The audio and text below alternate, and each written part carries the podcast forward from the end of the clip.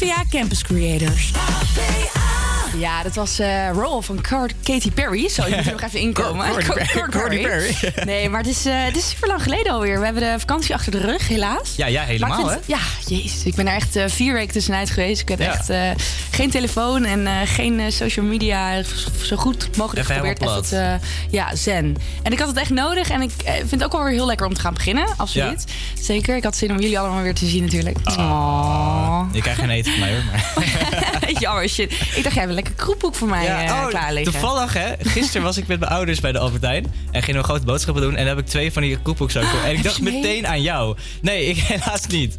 Vandaag, morgen wel. Morgen even. Morgen ook ze mee. Ja.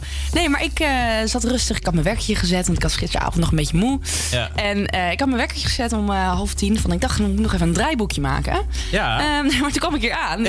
en toen bleek het dat de hele show anders zou zijn. Zeker. dus dat ik een heel draaiboek voor niks heb gemaakt. Maar dat maakt niet uit. Ah, het is wel extra de declareerbare uren, hè? Da dat is zeker waar. dat gaan we zeker doen. Ja, ja. ja hey, je zegt het goed. Een speciale uitzending is vandaag, hè? Ja, vertel. Nou, wij hebben hier de, ja, wat studenten van... De, volgens mij is het een keuzevak, uh, sport en media, uh, in de studio. En die gaan vandaag de show voor ons overnemen. Niet alleen vandaag, maar ook volgende week. die komen in groepen komen ze naar binnen in de studio... om verschillende ja, voortgangen eigenlijk in de sport en media te bespreken. Dus ik ben heel erg benieuwd. super interessant. Ja, ik, wist dus ook, ik had eerder gezegd nog nooit niet zelf gehoord van de minor. Het staat hier wel dat een minor is, keuzevak slash keuzevak. Ja, ik hoor een keuzevak. Uh, kijk even de docenten hoe gedaan. ja, Oké, keuzevak. keuzevak. Uh, ik, ook, ik ook niet, dus vandaar dat ik het heel erg interessant vind dat wij deze samenwerking aangaan. Dus wij doen eigenlijk in principe gewoon de techniek. Het is nog steeds de Campus Creator Show samen met ja, docenten van de Sport en Media. Ja, superleuk. Ik heb er zin in. We gaan in ieder geval nu even luisteren naar een liedje en dan gaan we zo meteen beginnen. Hier Robbie Williams met Feel bij Havia Campus Creators op Radio Salto.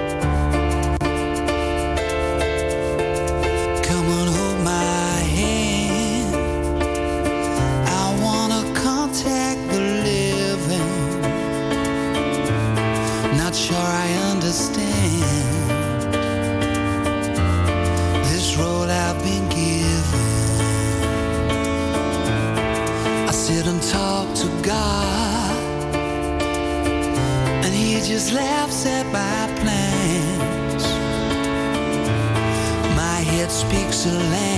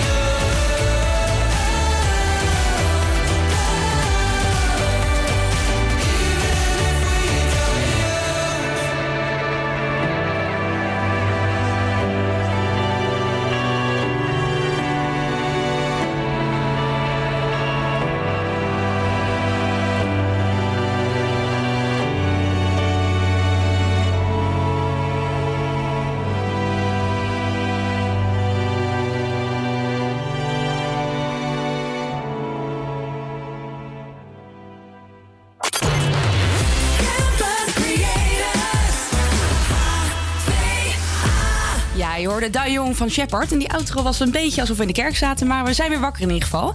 Eh, we hebben ne- net eh, een paar studenten in de studio gekregen van de minor of eh, keuzevak, excuses. Sport en media. En we hebben het eerste groepje. En dat is, als het goed is, als het hier goed staat, Wouter, Maurits en Messit. Yes, het is midget. Oh, sorry. ik dacht al van dit gaat fout, maar goed. Helemaal goed, welkom, leuk. Jullie gaan vertellen over, nou, ik kan wel het woord doen, maar eh, ik laat het helemaal aan jou over. Ik denk dat wij dat eh, prima kunnen. Eh, wij zijn Wouter Jacobs, Maurits en Os en uh, Kotja. En uh, we gaan beginnen met een fragmentje. Yes, helemaal goed. Die gaan we nu uh, luisteren. Die heeft van alle sociale voorzieningen hier geprofiteerd, zoals wij allemaal. En dan voordat uh, Jong Oranje of zo kan zeggen, we voor ons spelen. Nee, is er al een Turk die hem gek gemaakt heeft. En nou gaat hij in een land spelen waar je niet mag zeggen wat je wil. Waar je zo in de gevangenis gepleurd wordt zonder proces. Waar de mensenrechten met voeten getreden worden kan iemand uit zijn omgeving dat eens, uh, dat eens uitleggen? Ik vind dat bijna een belediging ten opzichte van Nederland dat hij voor Turkije kiest. Ja, we zijn pas in de eerste uitzending, maar we zijn nu wel gelijk weer waar we willen zijn natuurlijk. Want dat, nee, ik bedoel, laten we eerlijk zijn. Maar Ziyech heeft het natuurlijk ook gedaan op een gegeven nou, maar moment. over Ziyech heb ik hetzelfde gezegd. Maar met Ziyech had nog te maken dat Danny Blind uh, te trots was. En Van Basten natuurlijk ook. Die zat er en Van Basten ja. om even naar Enschede te rijden. Want Ziyech die zat te wachten, die wilde, dat is een trotse jongen, die wilde even gevraagd worden. Yes, dat was, uh, zoals misschien wel hoorde, Johan Derksen. Hij had het over uh, voetballen van Feyenoord, uh, Okan Kortju. Uh, en daarmee zijn we meteen bij ons uh, onderwerp van vandaag. We gaan het hebben over uh, de nationaliteiten in de sport. en zou, daarmee ook onze stelling, om de vijf jaar de, ehm, de keuze in nationaliteiten waarin een atleet voor het land wat de atleet voor uitkomt, zou dat mogen worden verwisseld. daar heb ik dus Midget en Maurits bij me. Midget, ehm, wat vind jij hiervan? Nee, allereerst, um, Jan Derks is natuurlijk heel uitgesproken hierover. Um, ik zie het zelf iets genuanceerder. Um, ik denk dat de stelling hartstikke goed is. Nu zie je vaak dat topsporters een keuze moeten maken op bijvoorbeeld de jonge leeftijd, wat hun hele leven dan van invloed blijft. En als je elke vijf jaar mag kiezen, kan je dus als topsporter vaker nadenken over wat jij verstandig vindt. Ja, we zien bijvoorbeeld ook voorbeelden zoals uh, Mo Iataren van PSV. En uh, een iets ander voorbeeld, maar wel een, voor dit onderwerp een goed voorbeeld. Sivan Hassan, die als vluchteling of als asielzoeker naar Nederland is gekomen. En nu voor Nederland wereldkampioen is geworden. En hopelijk straks op de Olympische Spelen ook titels gaat pakken. Um, Zo'n Mo Iataren bijvoorbeeld, Maurits. Zou jij nu op zo'n jonge leeftijd al die keuze willen maken? Of zou je zeggen, laat die jongen nog even met rust en laat hem rustig zijn tijd nemen. En dan zien we hem over een paar jaar wel uh, in het Nederlands elftal of in het Marokkaanse elftal? Ja, ik denk dat dit soort uh, keuzes op een jonge leeftijd, het is, dat ze heel jong zijn, dan klinkt het best wel een zware keuze voor de rest van hun leven. Maar in de wereld waar de sporters in verkeren, vind ik ook wel dat je wat sneller volwassen moet worden. En daarom denk ik dat als je op dat moment al zo'n keuze maakt, vind ik het uh, eigenlijk raar als je daarna na vijf jaar bijvoorbeeld de keuze weer terug kan draaien. Terwijl je al voor een land bent uitgekomen. Ja, bijvoorbeeld uh, Majid. Nou ja, misschien zo kunnen mensen ja, namelijk al horen dat jij uh, geen volbloed Nederlander bent, om maar zo te zeggen. Jij hebt Turkse achtergrond, je hebt twee Turkse ouders. Ja, klopt. Uh, hoe kijk je dan voor jou persoonlijk? Kijk, je bent natuurlijk geen topsporter, maar je bent wel iemand met een Turks paspoort en een Nederlands paspoort. Hoe kijk je daar zelf tegenaan als, als Turkse Nederlander? Um, ja, goede vraag. Ik ben natuurlijk geen topsporter zoals je aangaf. Um, dus ik denk dat voor mij ook de keuze nu wat lastiger is om uh, te maken, zeg maar, als ik dat zou moeten doen. Um, ik denk dat het vooral een heel lastige keuze is, want die wordt toch wel vanuit twee kampen beïnvloed. Ik denk dat er genoeg gezegd is in de discussie over dubbele, uh, dubbele nationaliteiten binnen de sport. Uh, dus over de voetballers, ja, er zijn al zoveel voorbeelden van. Maar ik denk dat het voor zo'n sporter heel lastig is. Dus in mijn geval zou het heel lastig zijn, omdat ik hier ben geboren, hier ben opgegroeid. En dus van alle faciliteiten gebruik heb gemaakt in Nederland. Alleen uiteindelijk heb ik toch ook een stuk familie en vrienden die in Turkije wonen, die mij ook graag weer in Turkije zouden zien willen sporten. Dus voor mij zou het nu heel lastig zijn. Ja, ga ik je een hele flauwe vraag stellen misschien. Maar bijvoorbeeld het EK voetbal. We hebben nu even voetbal. We gaan later ook nog even andere sporten hebben. Maar het EK voetbal, dat doen Turkije en Nederland aan mee. Uh, misschien komen ze wel uh, allebei door de groepsfase en in een finale tegen, tegen elkaar. Ehm, hoe kijk jij daar tegenaan dat bijvoorbeeld mensen in Nederland, of Turkse Nederlanders in Nederland, dan wel voor Turkije zijn uh, en, en niet voor Nederland? Of uh, bijvoorbeeld als ze de keuze hadden gehad, sowieso wel voor Turkije zouden kiezen en niet voor Nederland? Nou ja, ik denk dat iedereen daarin vrij is in zijn mening. Want um, als uh, Barcelona tegen Real Madrid speelt, kan iedereen ook kiezen voor wie hij is. En uh, ja, ik bedoel, ik kan ook fan zijn van Duitsland, omdat ze daar uh, goede spelers hebben en een mooi elftal. Dus dan denk ik dat ook een Turk voor Turkije mag zijn. Of een uh, Marokkaan voor Nederland. Of uh, ja, noem maar op. Iedereen kan gewoon kiezen voor, welke, uh, voor welk land hij op dat moment support of zij. Oké, dan gaan we even naar onze stelling dus. Um, onze stelling luidt als volgt. En daar gaan we nu even over discussiëren met z'n tweeën. Um, mogen sporters onder vijf jaar dus wisselen van nationaliteit? hier hebben we ook een gast uitgenodigd. dat is Noorden Jansen. Een hele internationale naam ook, zoals je misschien kan horen. Een uh, Marokkaanse moeder en een uh, Nederlandse vader. Uh, Norden heeft op hoog niveau ons land vertegenwoordigd, Nederland vertegenwoordigd als honkballer. Hij is onder andere Europees jeugdkampioen geweest. Norden, welkom. Goedemiddag. Dankjewel. Hi. Um, nou, we hebben je uitgenodigd om uh, eigenlijk een beetje wat we net met Mitchell ook over hadden. Maar jij hebt het natuurlijk uh, ja, echt meegemaakt. Jij bent als halve Marokkaan Marokkaanse afkomst, ben jij uh, voor Nederland uitgekomen. Was daarin nog, uh, had je daarin nog een bepaald gevoel of had je nog een bepaalde verantwoordelijkheid tegenover familie of Marokkaanse familie waar jij, ja, waar jij over na gedacht voordat jij echt voor een, een, Nederlands team zou uitkomen? Uh, nou goed, um, het, het, was natuurlijk vanuit mijn omgeving, iedereen was ontzettend trots, net als ik, dat ik, dat ik het mocht doen, dat ik mocht uitkomen. Uh, Marokko heeft geen uh, traditie in het honkbal, dus uh, er is weinig keuze bij komen kijken. Maar ik kan me voorstellen dat het, um, mocht die keuze er wel zijn geweest, dat er ongetwijfeld mensen in mijn omgeving zouden zijn geweest die, die daar wat over te zeggen hadden.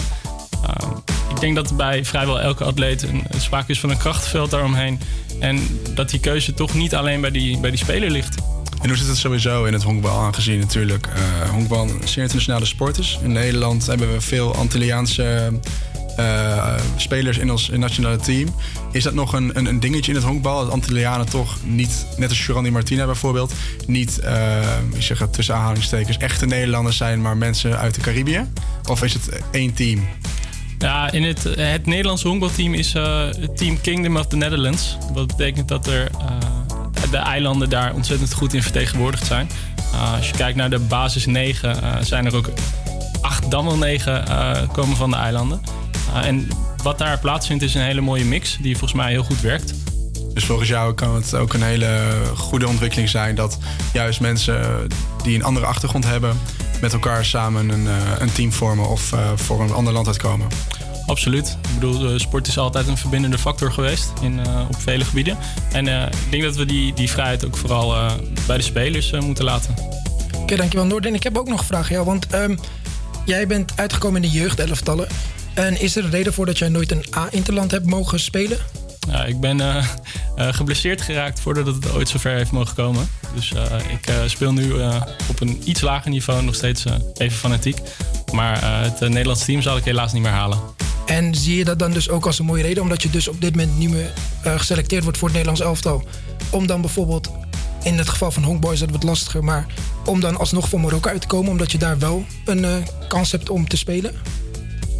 Uh, voor de ervaring zou ik het, uh, als het, als het ooit voorkomt, zou ik het misschien nog doen. Uh, in de wetenschap dat er toch geen kansen liggen in het Nederlands team. maar dan zou het echt zijn voor de ervaring.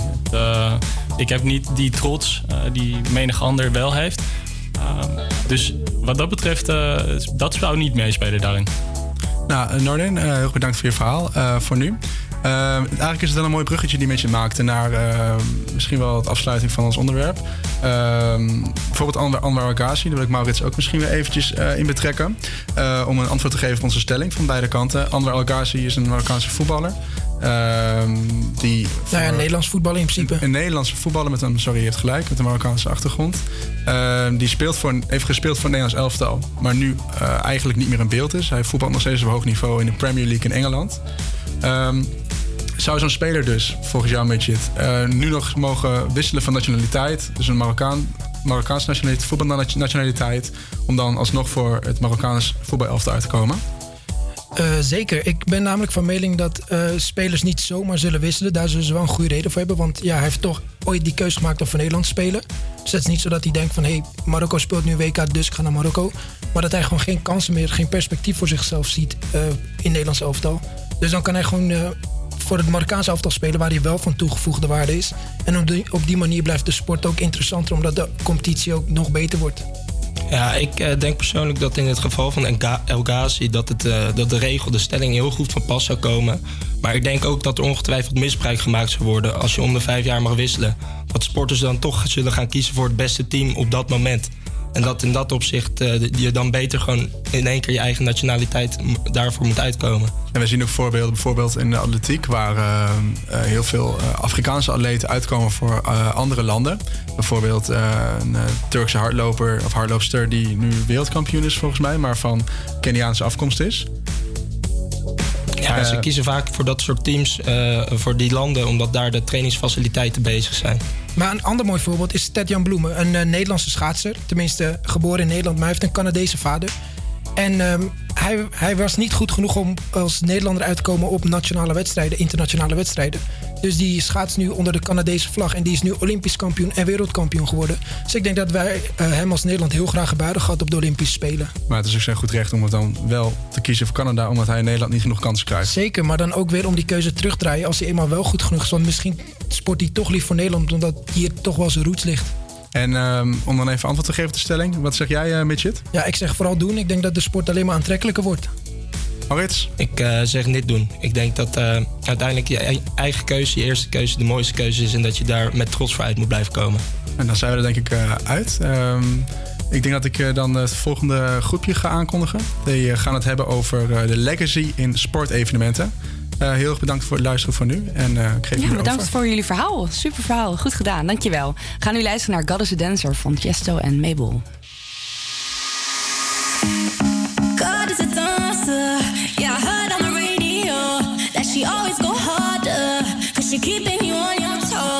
She's perfectly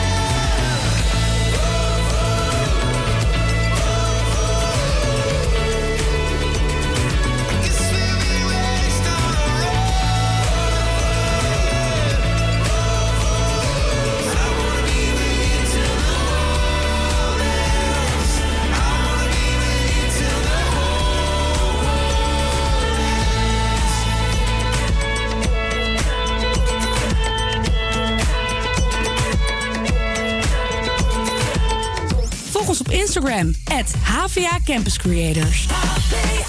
Ja, je hoorde Orphans van eh, Coldplay. En we hebben dus een aantal studenten vandaag in de studio. Het is een beetje een bijzondere eh, uitzending.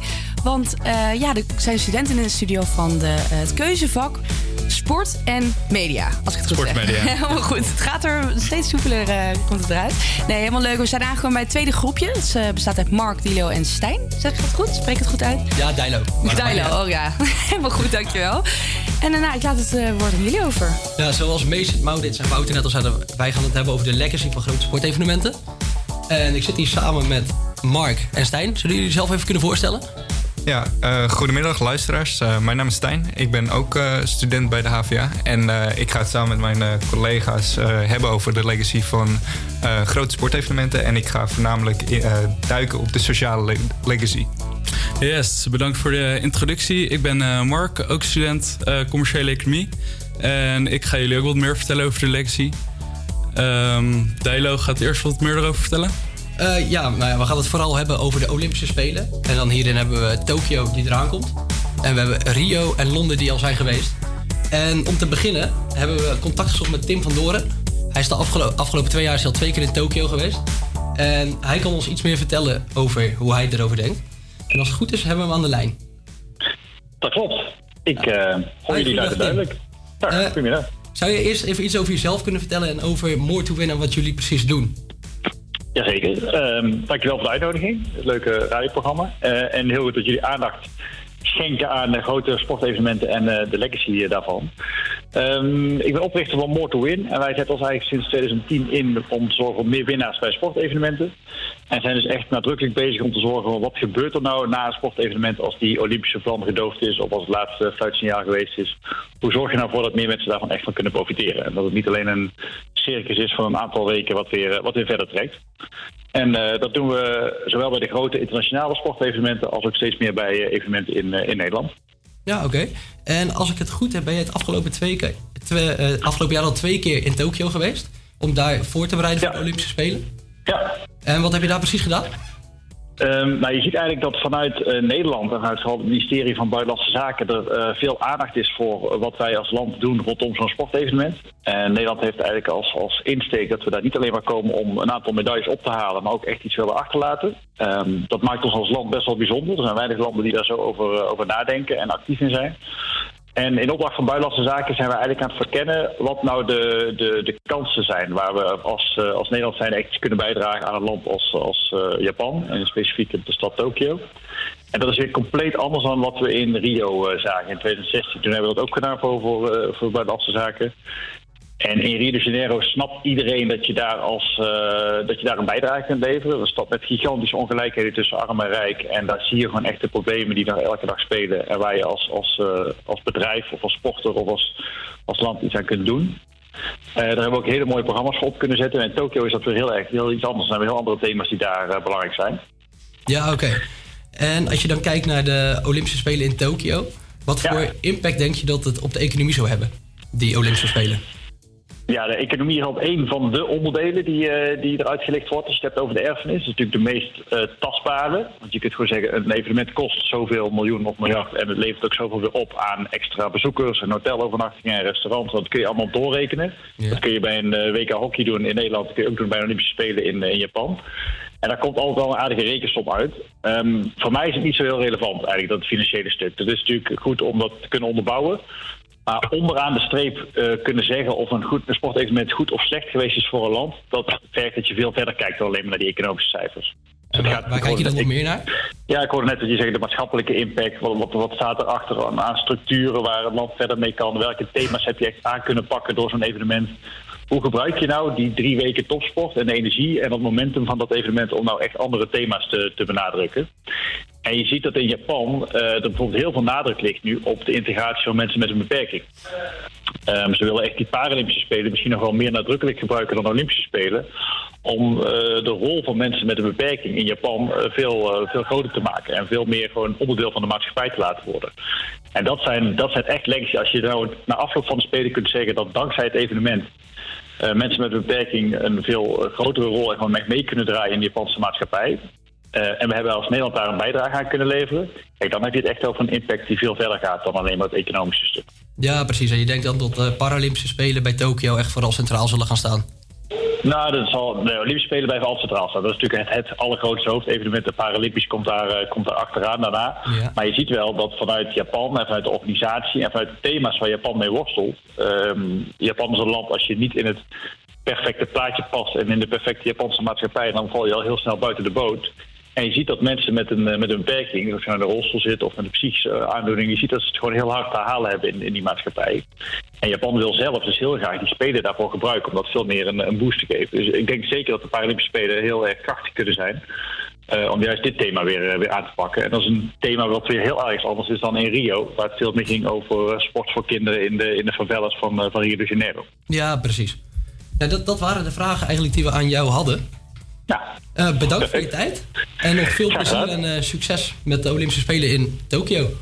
Hopelijk zien we elkaar daar. Ja, is goed. Tot dan, dankjewel. Eh, Oké, Mark. Eh, jij hebt je een beetje verdiept in de Olympische Spelen van Londen. Yes, dat klopt inderdaad. Heel interessant interview gezien net. En wat vooral heel erg opvallend is, is de verschillende doelstellingen. Ik heb mezelf een beetje gefocust op de Olympische Spelen van 2012 in eh, Londen. En daarbij heb ik vooral gekeken naar het economische aspect. Ehm, destijds zijn er vijf doelstellingen opgesteld. ehm, die zouden moeten worden bereikt aan de hand van de Olympische Spelen. En welke doelstellingen Ehm, zijn dit? Ja, ik zal ze even voor je opnoemen. Allereerst wou het Verenigd Koninkrijk aan de hand van de Olympische Spelen een wereldleidend sportland worden. Eh, het hart van Oost-Londen wou ze re- reconstrueren, dus de wijk vernieuwen. Ehm, de generatie jongeren inspireren voor de toekomst. En daarnaast nog het eh, Olympisch Park duurzaam, eh, duurzaam maken. En laten zien dat de UK een welkome plek is. Nou, ja, nu acht jaar na dato eh, blijkt dat de meeste dingen hiervan wel gelukt zijn. Wat wel opvallend is, is dat ze de wijk waar het oude Olympische dorp gevestigd is... eigenlijk was het bedoeld om daar goedkopere woningen te maken voor de inwoners van Londen. Dat is uiteindelijk niet helemaal goed uitgepakt. Ehm, voor een gemiddelde woning betaal je daar namelijk zo'n 2500 dol- pond per maand. Dus ja, ja dat is niet te Reken betalen maar voor uit, dat is niet te betalen. Dus ja, eh, dat is een van de dingen die dan wat minder zijn gegaan. Ehm, ja, het is echt een soort van juppenwijk geworden. Dat zie je in Amsterdam ook heel veel. Dus eh, qua legacy op dat gebied is het niet helemaal goed uitgepakt. Maar de overige doelen zijn wel behaald. De overige doelen zijn behaald. Bijvoorbeeld het, eh, als je kijkt naar het sociale aspect. eh, alle stadions met sporten zijn voor iedereen welkom. Iedereen kan erin. Het zwembad is voor iedereen toegankelijk. Dus voor de rest is alles goed gegaan. Alleen, het, alleen die woonwijk voor iedereen maken, dat is niet helemaal Ja, gelukt. oké. Dankjewel. En Stijn, jij hebt je als het goed iets meer verdiept in Rio in 2016. Ja, Kan je klopt. daar wat meer over vertellen? Ja, goedemiddag trouwens. Ehm, ja, ik heb inderdaad eh, bij Rio gekeken hoe de sociale legacy daar eh, van toepassing is. Ja. Nou, de Braziliaanse overheid had daar vooraf ook een aantal doelstellingen gesteld. waaronder inderdaad de sportdeelname onder de inwoners vergroten. Ja. Ehm, onze... ehm, onze interview net met Tim gaf dat ook al een beetje aan. De sociale ongelijkheid daar is enorm. Ehm, anders dan in Tokio, waar dat veel kleiner is eigenlijk, die ongelijkheid. Ehm, dus dat was wel voor de Braziliaanse overheid een, een thema wat echt aangepakt moest worden. En eh, waar, waar ook de Olympische Spelen op gericht moest zijn. Ehm, nou ja, wat, wat blijkt, er zijn veel meer investeringen gedaan in de topsport. En de topsport heeft eigenlijk eh, de breedte sport omhoog geholpen. Dus eh, vanuit daar zijn ook steeds meer investeringen gekomen naar de breedte sport. Waardoor de sportdeelname ehm, vele malen hoger is dan voorheen. Ehm, en ook al is het even, eh, hebben we het er even over gehad, over de Paralympische Spelen. En dan met name inderdaad ehm, ja, toch het beeld wat men over eh gehandi- gehandicapten heeft in, in Brazilië. Dat is niet zoals het hier is. Ja, daar hadden ze toch eh, ja, iets minder respect voor. En dat eh, kwam dan ook weer terug in eh, bijvoorbeeld het OV. Dat er weinig plek was voor mensen met een rolstoel of andere gehandicapte eh, mensen. Ehm, maar dat is ook aangepakt. Dus eh, die, die plekken zijn er nu. En ook zie je steeds meer liften bij de stations. Ehm, dus voor mensen is dat veel toegankelijker nu. Ehm, maar die voorbereiding en die legacy, dat is natuurlijk achteraf van zo'n groot evenement. evenement. Maar vooraf gingen ze, zijn ze daar ook al mee bezig geweest. Ja. In 2008 is namelijk een speciale politieeenheid opgericht, de UPP. En eh, zij zetten zich in ehm, om de criminaliteit in eh, Brazilië en met name de, eh, de favela's terug te dringen. En ehm, dat is wel degelijk gelukt voor een korte veiligheid te garanderen. Ja, precies. De veiligheid te garanderen en ook ja, de, de stroom aan ehm, toeristen te vergroten. Want dat is toch wel een, een struikelblok voor hun. En dat weerhoudt mensen ervan om ja, toch Brazilië te bezoeken. Ehm, en dit heeft geleid tot veiliger wijken en uiteindelijk een geheel nieuwe middenklasse daar. Ehm, echter is dit niet een heel duurzaam ehm, project geworden. ehm, toch om, om dat te bekostigen, die, die veiligheid, is dat eh, ja, is toch een rip aan het lijf voor, eh, voor de overheid. Ja, oké, dankjewel. Ik vind het vooral interessant om te zien dat je bij de verschillende Olympische Spelen verschillende thema's hebt die ze naar voren willen laten komen. In Londen een betaalbare wijk, in Rio eh, nou ja, dat er meer mensen gaan sporten. En in Tokio zal de focus liggen dus op het beter naar voren laten komen van gehandicapten. Hoe denken jullie dat de Olympische Spelen in Tokio eh, effect zal hebben op het land? Zal het positief of negatief zijn? Nee, ja, zoals ik al zei, eh, die sociale ongelijkheid is daar vele, maanden, eh, vele malen eh, minder groot dan in eh, Brazilië. Ehm, dus ik denk dat die participatie ook eerder gemaakt is voor die mensen die, ja, die, ja, die stap om eh, te participeren in de sport eh, en het onderwijs is natuurlijk veel beter geregeld. Dus ik denk dat het veel, vele malen eenvoudiger is eh, voor de overheid en voor de organisatoren daar om dat te bewerkstelligen. Wat denk jij, eh, Mark? Ehm, ik ben het deels met je eens. Ik denk alleen wel dat het, eh, omdat Japans van oudsher wel een hele klassieke cultuur heeft, dat het misschien toch moeilijk is om het eh, een beetje te kunnen laten doordringen bij de bevolking daar. Maar misschien dat het eh, aan de hand van de Paralympische Spelen inderdaad eh, verbeterd kan worden. Maar ik heb er zelf nog een hard hoofd in. Dijlo, wat, eh, wat denk jij hierover? Nou, ik denk dat het een heel mooi middel is natuurlijk om eh, de gehandicapten beter in beeld te krijgen. Want er is best wel veel aandacht voor die Paralympische Spelen ook. Wordt steeds meer. En ik denk dat je dat een mooi middel is om dat te gebruiken. Eh, en in de volgende uitzending daar zullen Niels, Martijn, Sam en Yannick het gaan hebben over een sport die in de toekomst misschien op de Olympische Spelen kan zijn. De Formule 1. En zij zullen het vooral gaan hebben over de regelgeving binnen de Formule 1. Super, dank jullie wel voor eh, jullie verhaal. Dan gaan we nu doorluisteren met wat muziek van eh, onze Armen van Buren.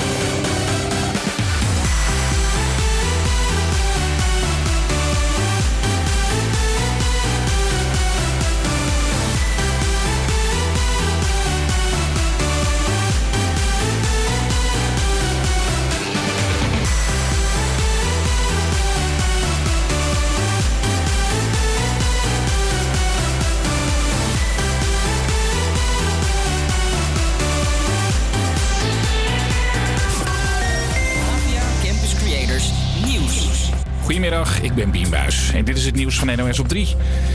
De gevonden handgranaat in Kerkdriel was waarschijnlijk toch niet voor de burgemeester bedoeld. Vanochtend vroeg zag een krantenbezorger op de stoep van een appartementencomplex een granaat liggen. In dat complex woont onder meer de burgemeester. Het leek er dus even op dat het explosief voor hem was bedoeld. Nou, dat schrikken, ja, want eh, ik word niet iedere morgen zo wakker gemaakt. Dacht u ook van dat zou met mijn ambt als burgemeester te maken kunnen hebben? Eh, niet direct dat je dan denkt, maar eh, ja, als je even buiten bent, dan eh, speelt dat wel door je hoofd heen. Ja. Want er worden natuurlijk meerdere collega's bedreigd, dus het zou, ik zou niet de eerste zijn. Maar volgens het Brabants Dagblad was de handgranaat neergelegd voor de zoon van de eigenaar van een fruitbedrijf, die ook in dat appartementencomplex woont. Zijn bedrijf wordt al langer bedreigd door criminelen, omdat werknemers een paar keer de politie belden toen ze drugs in een lading fruit vonden. Die station Amsterdam Centraal uit komt lopen, ziet metershoge vlammen omhoog komen uit de straat. Bij werkzaamheden voor de deur van een hotel is mogelijk een gasleiding geraakt. Het hotel is ontruimd.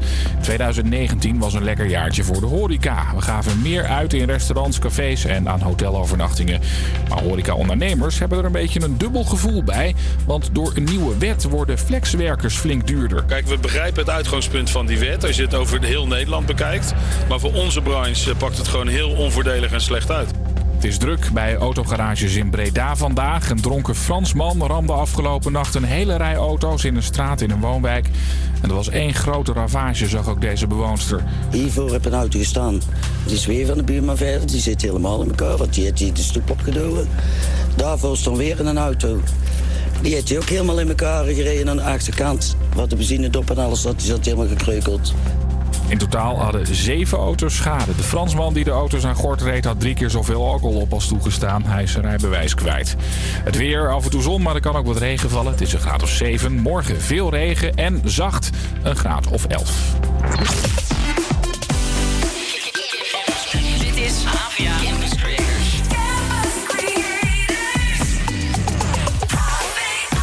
Ja, we zijn alweer aangekomen bij het eh, tweede uur inmiddels. En we hebben vandaag een beetje een speciale eh, uitzending. We hebben namelijk studenten in de studio van het eh, keuzevak Sport en Media.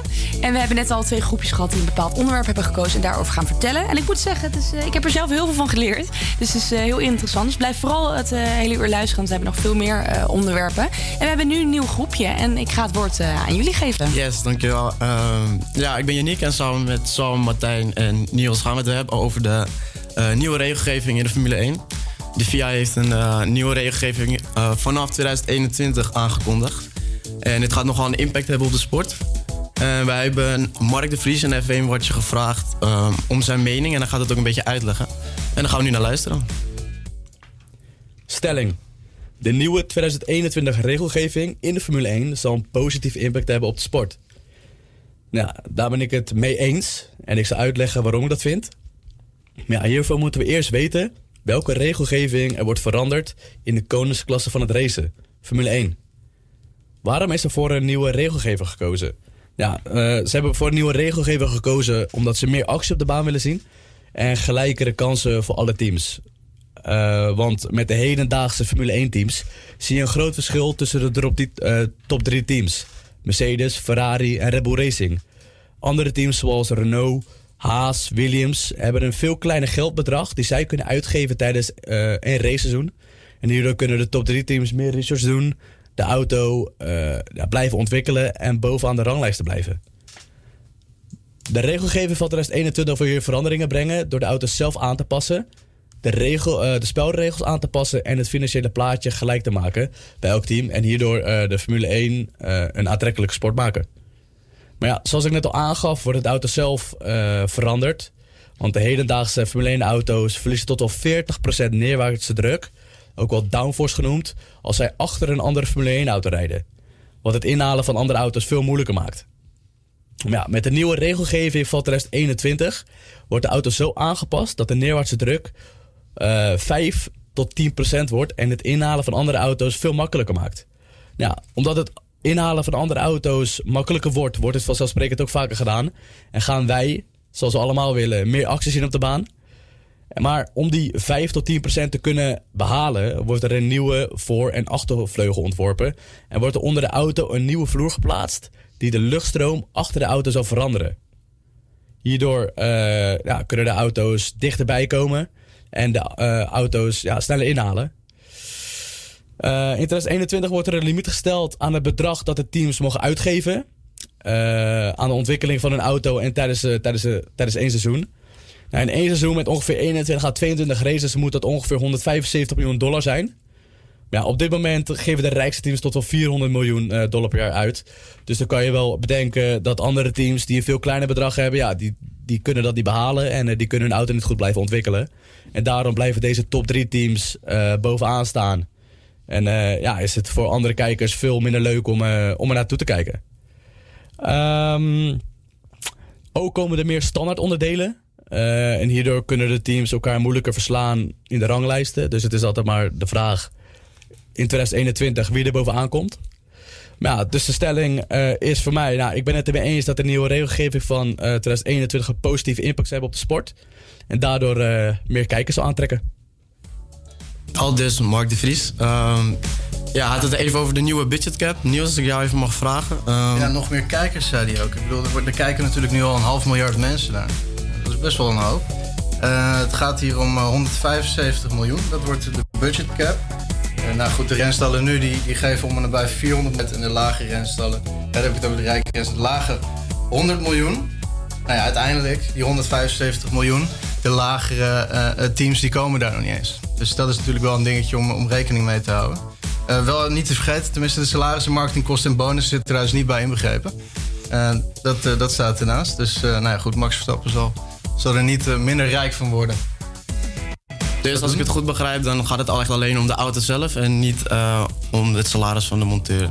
Of van de racer. Ja, correct. Eh, het, gaat, eh, nou goed, ik denk dat jij er, iets meer over weet.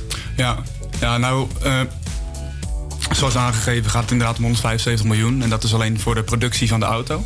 Dus hier komen alle bij, bijkomende kosten komen hier niet bij kijken. Er zit echt in mijn, in mijn ogen ook een negatief punt aan. Ehm, want je gaat nu eigenlijk teams met veel geld ga je, weigeren om die auto door te ontwikkelen. Omdat ze aan een bepaald eh, budget zitten natuurlijk. En hierdoor zal de technologische ontwikkeling in de sport zal wel gaan afnemen. Dat wat mij betreft is dat wel een groot, ja, groot negatief punt in de koningsklasse van de autosport.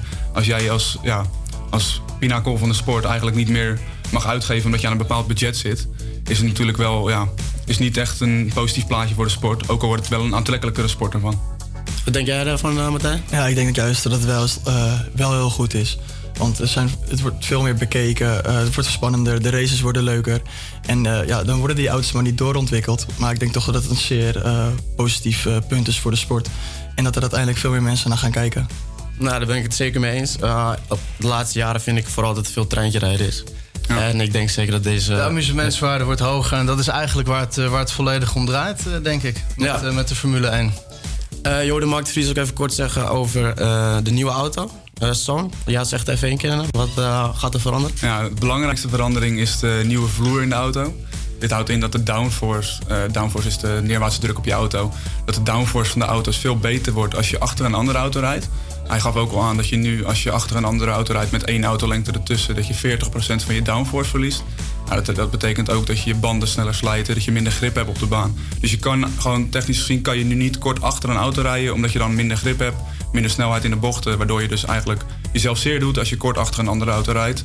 Um, door dit aan te passen, door een nieuwe vloer, nieuwe achtervleugel en nieuwe voorvleugel, verliezen ze straks nog maar 5 tot 10% downforce als alle berekeningen kloppen. En dan kunnen ze dus gewoon kort achter elkaar rijden, waardoor het dus geen treintje rijden meer wordt, maar waardoor ze echt elkaar kunnen inhalen. Dus als ik goed begrijp, gaan er dan ook meer inhaalacties uh, komen, zoals Max Verstappen dat altijd is, ja. uh, goed kan. Meer spektakel dus. Nee, ja. Meer spektakel, inderdaad. Nou, dat lijkt me inderdaad wel de bedoeling. Uh, ik las, Mark de Vries zei ook iets over standaard onderdelen. Ja. hoe moet ik dat precies zien? Nou, er zijn nu, um, is, hebben eigenlijk elk team heeft de volledige vrijheid om de auto in te richten hoe ze willen. Um, wat ze willen ontwikkelen en welke onderdelen daarbij komen kijken. Daarom zien ze er ook vaak nog wel anders uit. De bargeboards en de achtervleugels zijn en voorvleugels zijn bij elk team anders. Um, nou, dit worden, dit worden uh, standaard onderdelen in 2021, waardoor ze dus een concept hebben en daar mogen ze op doorontwikkelen. Maar het uh, standaard onderdeel, daar moeten ze van uitgaan. Dus het is niet dat ze daar volledige vrijheid hebben om nieuwe dingen te ontwerpen. En het voordeel hiervan is dat je ook uh, weer kostenefficiënt gaat werken. Want je hebt natuurlijk een budget cap. En het wordt, niet meer een, het wordt niet meer een strijd van hoeveel geld gooit iedereen er tegenaan. Maar het wordt een strijd van hoe ga je je geld zo efficiënt mogelijk inzetten om de best mogelijke auto te behalen. Dus als ik het goed begrijp, de slimste die eh, is dan uiteindelijk ook gewoon de betere. Ja, daar komt, het, alleen daar maar- komt het wel op neer inderdaad. Ja, worden ze dan ook veel gelijkwaardiger door die standaard onderdelen? Ja, dat is wel de bedoeling. Ehm, het is natuurlijk omdat je minder vrijheid hebt om te, om te ontwikkelen, is de bedoeling dat alles natuurlijk eh, ja, gelijkwaardiger wordt. Het is alleen, ja, het is natuurlijk wel de vraag hoe dat uitpakt. Nee, je Ehm, blijft natuurlijk dat gat eh, behouden. Ja, dat is de vraag. Want in 2001, kijk, niemand weet hoe de auto er definitief uit gaat zien. We kunnen natuurlijk wel eh, voorspellen. Kijk, want ze gaan nu in dit jaar gaan ze al beginnen met het ontwikkelen van de auto. En nu hebben ze nog geen budget cap. Dus in het begin van het seizoen zullen Ferrari, Mercedes en Red Bull gewoon een enorme voorsprong hebben waarschijnlijk. Doordat zij nu nog al, al het geld er tegenaan mogen gooien. Wat er straks niet meer mag. Ja, nou ja, goed. Ze blijven natuurlijk gewoon de rijkste hè, binnen de sport. Laten we dat wel... eh, Ja, en Fer- Ferrari blijft ook nog steeds een Formule 1 veto hebben. Dus ze mogen nog steeds alle nieuwe regels eh ja, vetoen, dat ze niet doorgaan. Hebben ze bij dit niet gedaan, maar ze mogen het in de toekomst nog steeds wel doen. Oké, hoe is dat dan ooit ontstaan überhaupt? zo? Ja, omdat ze al vandaan? sinds het begin van de sport actief zijn in de Formule 1. En daardoor hebben ze een bepaald recht gekregen van de Formule 1. Oh, wow. Oké, interessant. En betekent dit ook dat we dan echt gaan zien eh, wie de beste eh, racers zijn? Ja, ik denk het eigenlijk wel. Ik denk dat dan. Eh dan wordt het niet meer puur op eh, power. Zoals me- volgens mij is het dat eh 60% van de mensen eh, die in een Mercedes rijdt, die wordt wereldkampioen. Ja, zoiets hoorde ik Max Verstappen inderdaad zeggen. Ja, dus dan, eh, ik denk dat het dan wel echt puur op het racen aankomt. Maar ik denk dan ook dat we bijvoorbeeld een, eh, een Ricciardo veel, eh, veel meer gaan zien. En dus ook Max Verstappen inderdaad. En dat het, ja, ik denk misschien dat een, bijvoorbeeld een, eh, een Vettel dat misschien wel meer af gaat zakken dan eigenlijk eerlijk gezegd. Oké, oké. Ehm, en dan even kort over de raceweekenden. Ehm, als ik het goed begrijp is volgens mij vrijdag nu eh, de eerste vrije training. Ja, nee, het is nu, eh, een raceweekend duurt nu vier dagen. Donderdag heb je eigenlijk alle persaangelegenheden. Vrijdag de vrije training, zaterdag kwalificatie, zondag de race. Ehm, ja, dat willen ze eigenlijk gaan inkorten, waardoor dus ehm, de persgelegenheden naar vrijdagochtend worden verplaatst. En het idee daarachter is dat ze dan eh, meer raceweekenden in een jaar kunnen stoppen. Eh, voor de kijkers is dat natuurlijk heel leuk, omdat je gewoon meer te zien hebt en ehm, ja, meer spektakel. Alleen voor de racers en voor de monteurs is dat natuurlijk minder leuk, omdat je dan gewoon nog langer op pad bent. Eh, ja, die, die jongens die zitten natuurlijk week in, een week uit, zitten ze op de fabriek en zitten ze in andere landen om die auto maar klaar te krijgen. Tijdverschil natuurlijk. Tijdverschil, en jetlag. Dat is aarzelen. natuurlijk hartstikke zwaar voor, Ja. voor die mensen. Maar ja, voor ons als kijker eh, vind ik het natuurlijk een positieve ontwikkeling, omdat we gewoon meer races te zien gaan krijgen. Ja, dat is eh, de zondagochtend, hoor je mij daar niet over klagen. Nee, precies. Ehm, en tot slot dan denk ik, wat denken jullie, heeft Max Verstappen na deze regelgeving meer kans om wereldkampioen te worden? Ja, dat, dat, dat, dat kunnen we wel stellen, toch? Ja, ik denk het zeker. Ik denk het wel in ieder geval. Ik denk dat hij aankomend, eh, nou ja, goed, dit seizoen al, eh, al een goede, goede kans heeft om het te gaan, eh Ja, elkaar te gaan het is denk ik een beetje. eh, Het is lastig om te zeggen natuurlijk. Want als Red Bull natuurlijk eh, een verschrikkelijke auto neerzet, dan kan- gaat dat natuurlijk niet gebeuren. Ervan uitgaan dat hij gewoon een winnende auto krijgt. Zoals hij eh, de afgelopen laatste races heeft gehad. Dan denk ik dat hij zeker wereldkampioen kan worden. Maar dan moet Red Bull wel een goede auto eh, leveren. Ja, we gaan natuurlijk zien hoe de andere teams eh, met de nieuwe regelgeving omgaan. Ja. Ja, maar ik denk dus eigenlijk ook van, want alles gaat veel dichter bij elkaar. Dus er zijn ook veel meer ehm, ja, racers die wereld, ja, veel meer kanshebbers. Ja. Nu heb je eigenlijk ja, zes, nou zes misschien niet eens, eigenlijk twee, drie kanshebbers. En dan gaat het misschien wel, nu wel naar eh 10, 10, 12 kanshebbers. Dus er wordt veel meer concurrentie ook. Dus het- ja, of je wereldkampioen wordt, dat is wel lastig. dat is maar ik denk, vanaf 21 inderdaad. Ja. ja, dus ik denk eigenlijk dat het alleen maar, misschien, het kan eigenlijk alleen maar moeilijker worden misschien. Zo kun je het eigenlijk ook zien. Dus aantrekkelijk, denk ik. Ja, dus spannend. aantrekkelijker, Ja. veel meer actie op de baan, dat dus, sowieso. eh, de stelling zal het een positieve impact hebben op de sport. Ik denk dat we erover. Ja, ik denk dat we Ja, daar, zeker. eh, Ja, zeker. Zeker Daar wel mee eens zijn. impact, Ja. Ik denk wel dat er in het begin nog wel een beetje haken en ogen eraan gaan zitten. Want het is natuurlijk net, eh, het is net nieuw in 2021. Ik denk misschien dat de eerste twee jaar... Het is altijd nog een beetje een vaag grijs gebied Dat is altijd. natuurlijk altijd als je kijkt naar de VAR in het voetbal. Ja, precies. Er zijn altijd nog eh, dingetjes die verbeterd kunnen worden. Ja, dus ik denk misschien dat Ja, in laten we maar niet over de VAR 2023... beginnen, hoor, jongens. Nee, dat laten we niet. met- Misschien een ander groepje over. Ik weet niet. Nee, dan is het denk ik tijd om het nieuwe groepje te introduceren. Eh Maaike en Nata- Nathalie die gaan wat vertellen over de Amerikaanse invloeden in de sport en mede. Super, dankjewel eh, voor jullie verhaal. Dan gaan we nu luisteren naar de nieuwe van de weekend. Hier is Blinding Lights.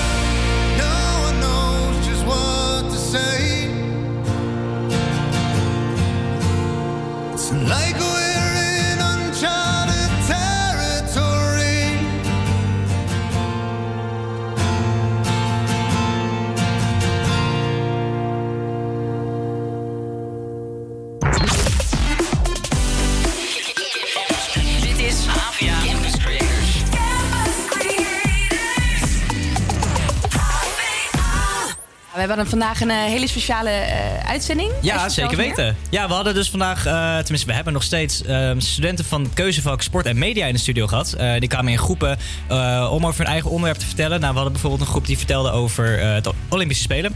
die dit jaar ook in Tokio zijn. Wat ik heel erg interessant vond, bijvoorbeeld. En zo hebben we nog an- twee andere groepen daarvoor nog gehad. En nu staat er weer een groep bij ons in de studio. Maar wij dachten even, we Maar gaan wij dachten, even ja. met elkaar talken, want daar hebben we ook wel zin in. Het blijft nog steeds ook een beetje de Campus Creator Show. Ja, daarom. Op de maandag. Hey, maar eerst, ik, ik las vanochtend wat. Het was echt zo bizar. Ik hoop echt dat je het ook hebt gelezen. Als ik nu niet ga lachen, dan... eh, Maar nee, het is echt, het is echt bijzonder. Het is namelijk, ehm, nou ja, ik, weet, ik ken haar zelf niet. Gwen, Gwen? Gwyneth Paltrow. Ik ken. Gwyneth spreek ik- Paltrow. Ja, spreek ik het goed uit? Ah, ik heb geen goed, dat is idee. een bekende artiest. Ik weet niet precies wie ze is. Maar ze Is heeft? Oh. echt een onmerkelijke geurkaars op de markt gebracht. Een Gaat er al een geurkaars? belletje rinkelen of eh, denk je echt, waar Nou heb ja, je het over? Ik liep dus gisteren wel door de Albert Heijn en ik ruikte allemaal van die geurkaarsen. Maar, ik maar rook je ook is. vagina? Wat? Ja, zij heeft een kaars, een geurkaars op de markt gebracht... die ruikt naar de geur van een vagina. Maar is het dan niet van haar of... Nee, dat ben ik nog bezig om dat uit te zoeken. Maar apart. eh, ja, het is echt heel apart. Hoewel de kaars ruikt naar een vagina en 75 dollar kost... was hij bij, eh, binnen een ruim een uur helemaal uitverkocht. Maar dat is ook... Eerst, first of all, dat is echt ziek duur trouwens. 75 euro Ja, voor een geurkaars. bizar. En dan ruikt hij naar een, eh, vrouwelijk geslachtdeel. ja, het is echt heel bizar. Maar wat ik me dus ook afvraag is van... hoe hebben ze die, die geur Ja. gemaakt? Heeft zij dan met haar benen open gaan Ja, liggen? Van, oh, even ruiken. Oh ja, nog even eh, wat dit erbij, dit erbij. ik, ik heb er hele Oh rare ja, even wat am- ammoniak erin gooien. Dat is bizar, precies, ja. wat mensen allemaal willen hebben tegenwoordig. Een geur Maar in- binnen een uur was het allemaal uitverkocht. Binnen een uur helemaal En het is een artiest dus. uitverkocht. Ja, ik weet niet precies wie zij is. Dat kunnen we nog even achterhalen. Dat Maar is dan de reden dat het uitverkocht is omdat het zoiets raars is? Of omdat zij een artiest is dan? Ja, dat is, dat is, Dat is goede vraag, inderdaad. Maar Ja, ik denk ook wel dat er heel veel rare mensen zijn. ik denk echt dat we niks aan verbazen. Je zou vast ook deze we ene moeten hem eigenlijk voor de hebben. grap even bestellen, hè? Nou, kunnen we dat decoreren? Hier in de studio eh, zetten. Ik ga het even aan Mike vragen. Kaarsje. Mike, we willen graag een geurkaars decoreren. Hij is 75 euro. En hij ruikt naar een vagina. En hij ruikt naar een. Ja, ik denk Ja. dat dat een goede eh, TED-talk is inderdaad Ja, precies. Nee, het is Goeie elevator pitch eh, ook meteen. Het is echt bizar wat er allemaal... eh, Maar ik heb ook het gevoel hoe, hoe raarder iets is... en hoe raarder het is wat op de markt komt... hoe sneller het, het rondgaat en uitverkocht is. Dat en is zeker waar. Het is, eh, ja, ik, moest, ik vond het een onmerkelijk nieuwtje. Maar ik, wat ik me dus nu afvraag, hè, zal er dan nu iemand in de wereld zijn, gewoon een man die denkt van, weet je wat, ik ga ook een geurskaars maken, geurskaars maken, maar dan over, over een penis, weet je wel? Dus zal vast, nu zal Ja, vast maar zo'n chappie ik- denken van, nou, we ga gaan ik nu een doen. hele verkeerde kant op, want ik wou vragen, ruikt dat hetzelfde dan? Maar weet je, misschien moeten we maar gewoon weer wat muziek gaan Ik draaien. eh, denk dat dat het beste idee is. ja, zullen we dat gewoon lekker gaan doen? even. Hier hoor je Alone van Alan Walker en Eva Max.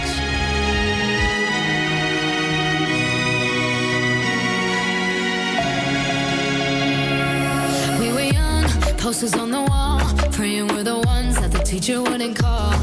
We would stare at each other, cause we were always in trouble. And all the cool kids did their own thing. I was on the outside, always looking in. Yeah, I was there, but I wasn't. They never really cared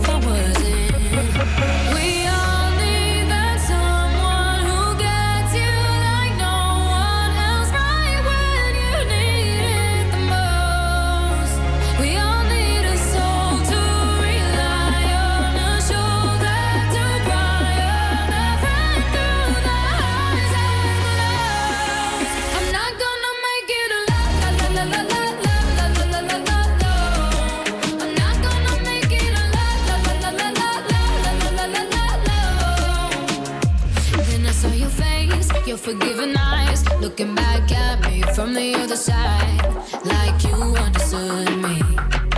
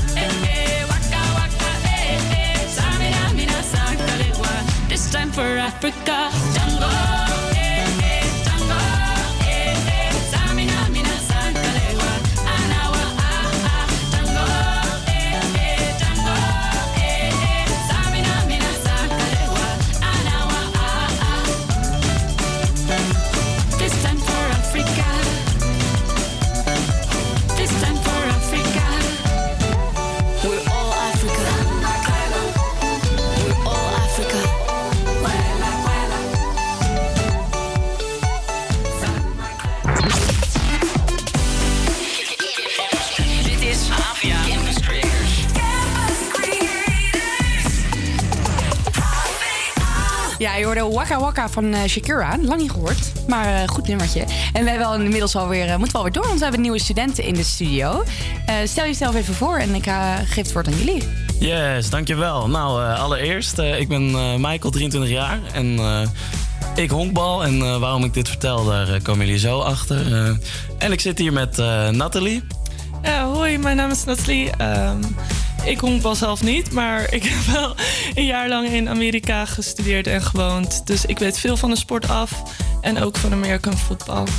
Ja, en wij gaan het vandaag eh, hebben over de Amerikaanse invloeden op de sport. En eh, ik heb een eh, kennis van mij en die heeft vroeger op Europees niveau bij de Amsterdam Crusaders gevoetbald. En hij is toevallig aan de lijn. Hallo Nick, met Michael. Hoi Michael. Hey Nick. Eh, nou, eh, bedankt dat je deze uitzending wil bijwonen. Eh, nou, ik wil graag vragen, zou je jezelf even willen introduceren? Ja, natuurlijk. Ik ben Nick en eh, ik ben al betrokken bij het Amerikaanse voetbal sinds begin jaren 80 van de vorige eeuw. Dat is wel heel lang geleden. En dat heb ik gedaan tot halverwege de 90 jaren. En in 2014 een comeback gemaakt voor drie jaar tot en met 2017 bij de Amsterdam Crusaders. Yes, en nu eh, weet ik toevallig, want eh, ik ken je natuurlijk. Je hebt best wel op een niveau gespeeld, hè? Wat heb je zoal gewonnen? Eh, wij hebben, want we spreken met de American Football natuurlijk als team. We hebben als team hebben we in eh, 1988 onze eerste Euro Bowl finale gespeeld. Dat is eigenlijk die finale van het Europees kampioenschap. Dat hebben we in zes jaar tijd vijf keer mogen doen. Eh, waarbij we in 91 en 92 Europees kampioen werden. En de laatste keer dat we in een Europese finale stonden was 2016. Dat is dus een jaar of twee geleden. Ah, en, vier geleden. en toen gewonnen in 2016? Of, eh? Nee, in 2016 eh, moesten we onze meerdere erkennen in eh Braunschweig. Dat was eigenlijk een full professional team. Ehm, en daar hebben we uiteindelijk in een uitverkocht stadion van verloren. Wauw. Nou, ja, helaas. Maar nou ja, toch goed gedaan natuurlijk. Nou, onze radio-uitzending gaat over een beetje de Amerikaanse invloeden op de Nederlandse sport. En dan ben jij natuurlijk bekend met eh, American football. Ehm, ja, hoe zie jij dat? Heb je wel eens tegen een Amerikaans team gespeeld? Of merk je niveauverschil? Eh, nou ja, dat, dat niveauverschil is natuurlijk enorm. Eh, dat komt natuurlijk omdat het American football in Amerika gewoon in het schoolsysteem verweven is. Waar je gewoon allemaal op eh high school niveau al voetbal kunt spelen. En de beste voetbalspelers in het high school voetbal stromen door en worden gevraagd door college teams. Ehm, hoe beter je bent in high school, hoe hoger je komt in een college team. En van de beste college spelers worden er jaarlijks in een eh, draft worden er eh, ongeveer 225 spelers gedraft voor de profteams.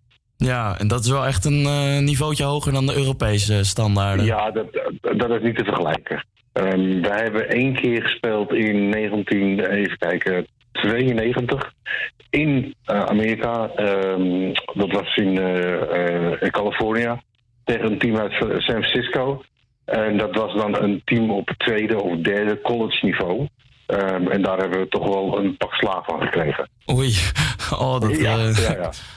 Klinkt Ja, ver reizen ja. en dan toch, eh, nou ja. Ja, maar het was natuurlijk de ervaring. Maar de jongens daar op college trainen gewoon twee keer op een dag. En dat zijn eigenlijk eh, ja, fulltime sporters die ook nog een studie volgen. Dus dat was niet echt een eh, gelijke match. Ja, nou, inderdaad een groot niveauverschil. Nou, dankjewel voor het interview en dat we je even mochten opbellen. Dankjewel. Geen probleem, Michael. Graag gedaan. Is goed. Nou, wat een, eh, ja, toch een eh, paar treden hoger dan eh, in Amerika? Ja, maar dat geloof ik ook wel als je ziet het verschil, de euforie die mensen daar voelen. En hier is het eigenlijk bijna niet populair. Maar in ieder geval heel leuk dat je iemand had die er vroeger heeft gespeeld bij de Amsterdam Crusaders. Ik ken zelf een vriend van mij die speelt er nu. Eh, daar had ik ook een interview mee gehouden. Dus eh, we gaan ook even zijn mening over American football in Nederland horen. Ja, ik, Eh, ik ben goedenavond. benieuwd. Er wordt nu een interview eh, opgenomen met Thomas Hurk. Hij gaat zoiets over zichzelf vertellen. Het gaat over American football. En eh, dit interview wordt opgenomen zodat wij later de inzichten kunnen gebruiken voor het verslag en voor de radio. Thomas, hoi. Goedenavond Nathalie. Zou je wat over jezelf kunnen vertellen? Tuurlijk. Dus, ik ben Thomas van Heurk. Ik ben 25 jaar. Ik kom uit Antwerpen in België. Eh, als we gaan kijken naar American football. Ik speel nu op dit moment al acht jaar American football. Ik ben begonnen in Antwerpen, eh, waar ik een zestal jaar heb gespeeld. En daarna ben ik even naar Brussel gegaan. En dan als we op een hoger niveau gaan kijken, ben ik twee à drie jaar geleden eh, beginnen met spelen voor het nationaal team in België. Heb daardoor ook wedstrijden kunnen spelen in het binnenland als in het buitenland. En nu speel ik op dit moment in Amsterdam als eh, outside linebacker voor de Amsterdam Crusaders. Oké, en wat vind je van de American football in Nederland? Vind je dat er genoeg eh, interesse voor is? Ja, dat is een, een moeilijke vraag natuurlijk. Genoeg interesse is, ja, is nogal een moeilijk woord. Als we, gaan, als we de vergelijking maken tussen Europa, eh, American football in Europa en Amerika, ja, ligt daar wel een groot verschil natuurlijk. Ehm, eerst en vooral is het, ja, de sport is vrijwel onbekend. Een groot deel van het ding is dat ja, mensen ehm, American football vaak verwarren met rugby. Dat is al één groot probleem. En ook gewoon als we gaan kijken naar de sport op zich, is er weinig, weinig participatie. Zijn er weinig mensen dat de sport überhaupt spelen. Ehm, als je daar wilt dat ik wat verder op inga? Of... Eh, denk je dat de interesse groter wordt de aankomende jaren? Of zie je daar verschil in sinds dat je acht jaar geleden bent begonnen? Ja, zeker. Zeker als we gaan kijken toen ik begon. Ook als we gaan kijken ehm, eh, naar Belgische teams. Speelde ik in de tijd, goh, ik denk, denk vier wedstrijden op jaarbasis. Ehm, en als we nu acht jaar verder gaan kijken, ja, dan speel ik nu over de tien wedstrijden. We hebben nu ook een nationaal team. En dat is voor Nederland net hetzelfde als ik eh, die, ehm, dat verloop ga bekijken. Ja. Oké, ja, ik vind het nogal interessant dat in Amerika gaat er echt miljoenen euro's aan American voetbal. En hier blijft het toch achter. Maar erachter komen wat de reden is, vind ik toch best moeilijk.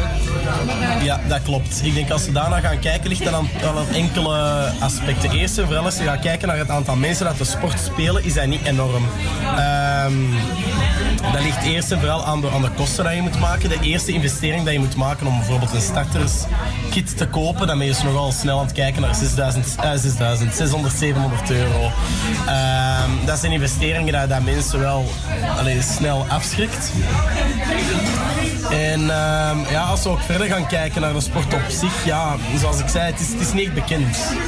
Mensen verwarren het vaak met rugby, eh, dat ook een reden is. En American voetbal, ja, het is, een, het is een atypische sport als je die gaat vergelijken met, met, met sporten die beoefend worden in Europa. Zoals tennis of voetbal bijvoorbeeld. Ehm, ik denk dat daar ook wel iets heeft mee te maken. Als je dan kijkt naar Nederland, wat zou jij als de grootste club of nou de meest bekende club in Nederland eh, kiezen? Zou je dan voor je eigen club kiezen? Of? Ja, eigenlijk wel. Het is niet omdat ik er nu zelf speel. eh, maar ook als ik ga kijken naar de geschiedenis van de ploeg en het niveau waar dat zij nu op spelen, ja, zijn zij toch wel de grotere ploeg. Eh, niet enkel en alleen omdat zij elk jaar het nationale kampioenschap winnen, maar ook omdat zij internationale wedstrijden spelen. Eh, de Crusaders spelen ook wedstrijden in ja, Polen, Duitsland, Denemarken, noem maar op. Eh, dus als we op dat vlak gaan kijken, steekt ja, Amsterdam er toch wel met kop en schouders bovenuit. Oké, ja, dat was het interview. Eh, wat ik wel heel interessant vond, ook de factoren die hij noemde, waarvan het gewoon moeilijk is om de sport te gaan beoefenen. 600, 700 euro. Nou, ja, dat is toch wel een dingetje als je niet weet of je de sport wel echt leuk vindt. veel is geld. Dat, is dat met honkbal ook zo? Moest jij ook veel betalen om je klaar te maken voor de sport? Nou ja, waar hij het ook over heeft, zeg maar je starterskit, om het zo maar even te zeggen. Ja, met honkbal, je moet gewoon een eh, volledig pak, een handschoen, slaghandschoentje, slaghelm. Ja, dan zit je al ook op de 500 euro. En als je dan zelf het spelletje nog niet begrijpt, wat eh, ja, bij honkbal en Amerika voetbal toch technischer, tactischer is, dan begrijp ik wel dat zo'n investering lastig is. En ja, na één training is het natuurlijk, eh, snap je het niet helemaal. Dat is in vergelijking tot voetbal toch eh, moeilijk, ja. Ja, want hij gaf ook aan van heel veel mensen in Nederland zien het een beetje als rugby. Ze weten niet echt het verschil. Eh, hoe, zit, hoe zit jij met de sport? Ken jij alle spelregels? Van eh, rugby en na, van Amerika voetbal weet ik dat ze daar weer echt bepakt zitten. En dat het eh, iets minder snel gaat dan, eh, dan rugby. Ik ken niet alle spelregels en ook niet de tactieken, maar... Nee, maar dat kan op zich ook wel kloppen. Want American voetbal is eigenlijk helemaal niet te zien op de Nederlandse televisie. En als je het wil zien, dan moet je een Game Pass eh, aanschaffen online. Dus dan moet je eigenlijk ook al betalen voordat je een wedstrijd kunt zien. En wie weet vind je het helemaal niet interessant, eh, de league. Weet jij ook hoe dat zit met honkbal? Moet je daarvoor, kun je dat zien op de televisie? Of moet je daar ook online een Game Pass voor aanschaffen? Nou, eh, de Nederlandse competitie die wordt helaas niet uitgezonden op de Nederlandse omroep. Alleen eh, tijdens het landskampioen, wanneer de. Nou ja, dan volgt een korte samenvatting op de NOS. Maar eh, stel wij als honkballiefhebbers willen de MLB, eh, het hoogste niveau van Amerika, bekijken, dan ja, moet je toch een soort jaarabonnement van al snel 200 dollar. En de wedstrijden zijn om twee uur s'nachts, dus dat is ook niet ideaal. Ja, dus dat doen ook minder mensen. Maar is toch gek, want eh, als ik het niet verkeerd heb, eh, zijn we Nederlands, eh, wereldkamp is Nederland wereldkampioen geworden met honkbal. Ja, daar mogen we trots op zijn. En dat is ook wel leuk, want het is een ge- gecombineerd team met de Nederlandse Antillen. Het heet Kingdom of the Netherlands. En nou ja, je merkt gewoon dat de mensen nou ja, aan de andere kant van de wereld bij Curaçao, de Nederlandse Antillen, die krijgen meer mee van die Amerikaanse vibe, hebben wat meer aanleg ervoor. En eh, ja, eigenlijk domineren zij als spelers gewoon echt het Nederlandse team. En eh, helpen ons wel naar een wereldkampioen. Maar is toch de sport, blijft het in Nederland helaas eh, wel links liggen. En wordt er massaal gekozen voor voetbal, wat overal wordt uitgezonden. En dat Ja. is toch het jammere van sporten ook. Daar voelen ook mensen de euforie hier in Nederland. Maar jij en ik zijn alle twee natuurlijk vaker in Amerika geweest. We hebben alle twee ook verschillende wedstrijden gezien van honkbal en American voetbal. De euforie die mensen daar voelen, dat voel je echt zodra je binnenkomt. Dus wel jammer dat ze hier in Nederland dat niet kunnen zien. Want als ze dat zouden voelen, zou er echt wel. Zelfs ik werd al gelijk heel geïnteresseerd door de sport, terwijl ik dat echt niet had verwacht. Maar gelijk die euforie, mensen, mensen stralen ook als ze erover praten. Ook met deze speler die ik heb geïnterviewd. Je zag het gewoon hoe blij, hoe, met hoeveel passie ze over de sport praten. Yes, ik ben zelf ook in eh, Toronto geweest voor, bij de Blue Jays. En dat was super leuk. En je, ja, bij een honkbalwedstrijd werk je eigenlijk naar een clutch moment toe. En dat is echt het moment dat de wedstrijd wordt gemaakt of dat eh, het andere team wint. En eh, ja, daar zit iedereen op te wachten. En er zijn ook loterijen tijdens de wedstrijd. De wedstrijd wordt echt opgeleukt. En dat, is, eh, ja, dat mist ook denk ik in Nederland. Ook heb je wel eh, in Nederland de populaire Haarlemse Honkbalweek. Deze wordt altijd heel goed bijgewoond. En eh, is met eh, het Nederlands team, eh, Japan, Chinese Taipei... die komen allemaal spelen. En dat is toch wel erg leuk. Ehm, weet jij eigenlijk hoe het... eh, heb jij echt verschil gemerkt tussen eh, Amerikaanse wedstrijden... en dan de Nederlandse wedstrijden? Ja, dat verschil is enorm. Zeg maar bij Amerika ook de voorbereidingen. Ik werkte dan ook tijdens zo'n wedstrijd. En je bent al gewoon een week van tevoren de wedstrijd aan het voorbereiden. Welke promotie ga je doen tijdens de wedstrijden? We, het orkest moet bepaalde liedjes instuderen. Want er komt ook een heel orkest bij kijken bij zo'n wedstrijd. Cheerleaders. eh, dan heb je ook nog sundancers. Het is gewoon een en al. Je hebt eh, ook van die rookbommers die afgaan tijdens zo'n wedstrijd. Het wordt echt wel heel groot aangepakt. En ik weet niet of jullie eh, bij het American Football toernooi van Nederland hebben gevolgd. Maar als je naar die finale kijkt, dan is het toch wel... Het publiek is erg matig. En er zijn ook geen, niet, het wordt ook niet opgeleukt. Want zo'n wedstrijd duurt natuurlijk ook wel echt drie uur lang. Dus je moet het publiek ook een beetje, ja, een beetje enthousiast maken. En dat doen ze in Amerika echt heel goed. Maar hier in Nederland, eh, ik geloof niet dat ze cheerleaders hebben of orkest. Daar, daar ga ik niet van uit. Daar is gewoon de belangstelling niet eh, hoog genoeg voor. Nee, nee dat, eh, dat hebben wij inderdaad helaas gemerkt. Dan eh, moeten we toch een beetje naar het einde. En eh, eigenlijk zou ik er wel voor eh, willen pleiten dat gewoon de Amerika voetbal en het honkbal gewoon wat meer in de media moet komen. Ja, en ga ook vooral gewoon een keertje kijken bij Amsterdam Crusaders naar een wedstrijd. En ervaar de sport, zou ik zeggen. Nou, tot eh, Maar ziens. goed, dankjewel. En komt hierna nog een nieuw groepje? Ik weet het niet of we nou de laatste, jullie laatste waren. Of... Nee, Ja, we er komt nog een eh, nieuw nog groepje. Money Talk Oh, doen. gezellig. Met eh, Kelly, David en Joey. Eh, dus die gaan over de money in de sport praten. Oké, nou, ik ben eh, heel benieuwd. Dank jullie wel in ieder geval voor, eh, voor dit verhaal. Dat was super mooi. Dank je. Yes, Dan gaan we nu luisteren naar Jonas Brothers met Only Human.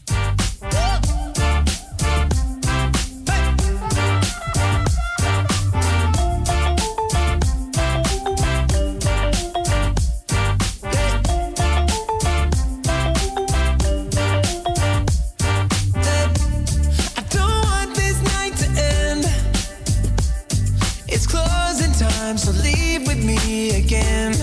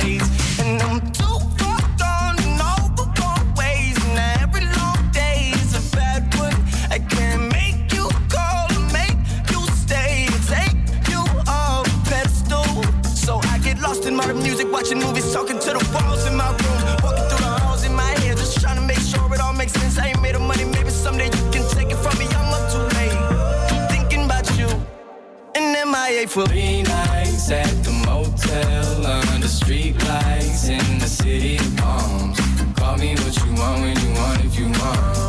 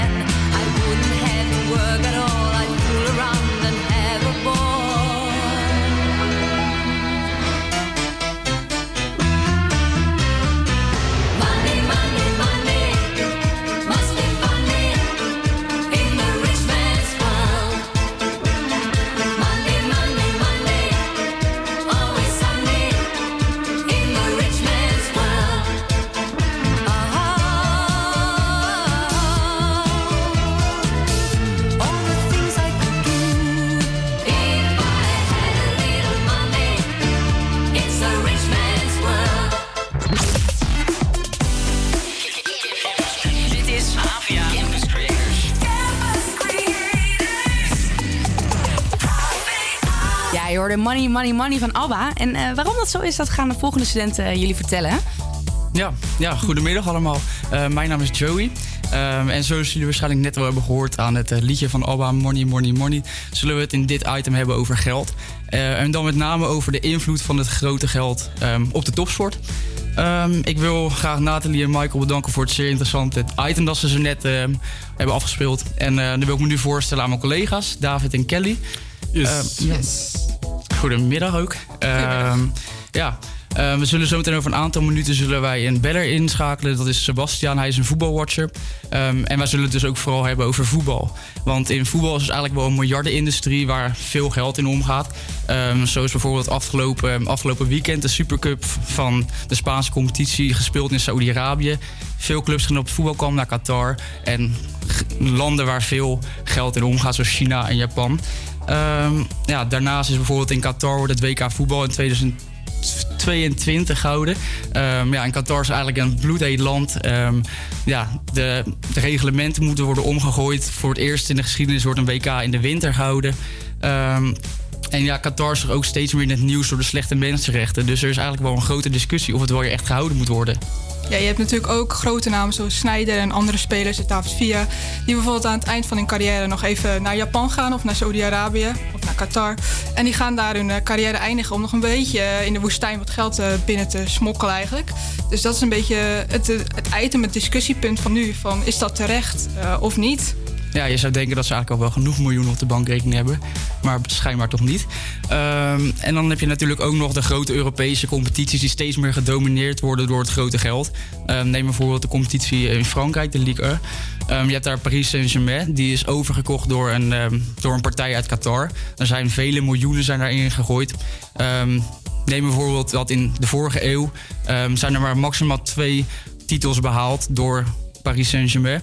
Maar deze eeuw zijn er al zes behaald. Dus dat is wel toch een groot verschil. En dat komt mede door al die miljoenen die zijn binnenge, binnengestroomd. En dat grote spelers zoals bijvoorbeeld Neymar is gehaald voor meer dan 100 miljoen euro. Precies. En dat zie je natuurlijk niet alleen in Frankrijk. Dat zijn natuurlijk ook alle andere Europese competities wat dat betreft. En ja, dat heeft natuurlijk wel gevolgen voor de, voor de minder rijke teams. Maar ook eh, voor de kleinere Europese competities wat dat betreft. Dus je hebt op dit moment, eh, op dit moment alleen nog maar... eh, teams in de Champions League. eh, die bestaan uit de Big Five eh, clubs in de, in de Europese competities. Dus dat is natuurlijk wel... eh, Daar moet je, kan je je vraagtekens natuurlijk bij zetten. Ja, en dat brengt dan ook weer het discussiepunt boven of er ooit een soort van opzet gaat komen met alleen maar teams uit de Big Five. Waar toch steeds meer sprake van is, omdat je nu ook dus weer ziet dat alleen maar teams van de Big Five nog aanwezig zijn in de Champions League. Ehm, maar naast al deze nadelen natuurlijk, de nadelen voor het publiek, zijn er natuurlijk ook veel voordelen voor de clubs. Zo zijn er bijvoorbeeld, ehm, ja, de clubs kunnen steeds betere faciliteiten bouwen, nieuwe stadions worden uit de grond gestampt, nieuwe trainingsfaciliteiten. Ehm, ja, maar fans, die zijn het dan toch niet altijd mee eens. Ehm, want velen vinden bijvoorbeeld dat de, de traditie en de sfeer van de club wordt verwoest eigenlijk hierdoor. Maar ja, ze zijn het dan ook weer niet mee eens als ze bijvoorbeeld ehm, een grote speler willen halen, maar de concurrent ermee vandoor gaat. Dan hebben ze toch wel weer de miljoenen nodig. Ja, daarom. Dat is de discussie van het grote geld. Dat zie je natuurlijk met bijvoorbeeld Ronaldo eh, bij Juventus en eh, dat soort grote spelers. Ja, ja, Ja. precies. Ja, en dat zullen we dan zo meteen met de, de Belg als Sebastian zullen we het ook nog verder over hebben. Want voetbal is niet de enige sport waar veel geld in omgaat. Ehm zo heb je bijvoorbeeld ook alle kleine oliestaatjes, zoals Qatar, eh, de Verenigde Arabische Emiraten en Bahrein, die bijvoorbeeld massaal soort van speler, atleten uit het buitenland, vooral uit Afrika, dan naturaliseren. Ehm, zoals bijvoorbeeld in 2015, ik weet niet of je hebt meegekregen, dat in het WK handbal voor de heren is eigenlijk een, team van Qatar is eigenlijk volledig bijeengekocht door, ehm, door het land. En hebben ze eigenlijk totaal uit het niets hebben ze zilver weggekaapt eigenlijk op het WK 2015 handbal. Precies. En je hebt natuurlijk alle andere landen natuurlijk voor de, op- voor, bijvoorbeeld voor de Olympische Spelen met eh, de sport atletiek. Die eh, ja, nou, spelers of atleten dan in dit geval aantrekken. En die komen dan uit voor dat land. Dus ja, eh bijvoorbeeld vaak Afrikaanse landen. Dus dat is wel een puntje. Ja, wat vind je daar nou van dan? Ja, ik vind dat een beetje... Aan de ene kant is het natuurlijk competitievervalsing. Want je kan zeggen, ja, weet je, dat is niet helemaal eerlijk. Bijvoorbeeld wat je net aanhaalt eh, met Qatar.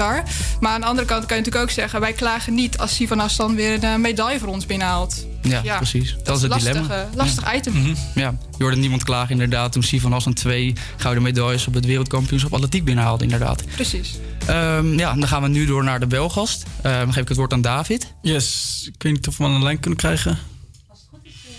Hoi, goedemiddag. Ik, eh, ik ben al aan de lijn.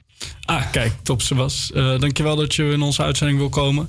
Ja. Ehm, als voetbalkenner, en ik heb hem zelf ook wel eens vroeger zien voetballen, ook een eh, groot speler.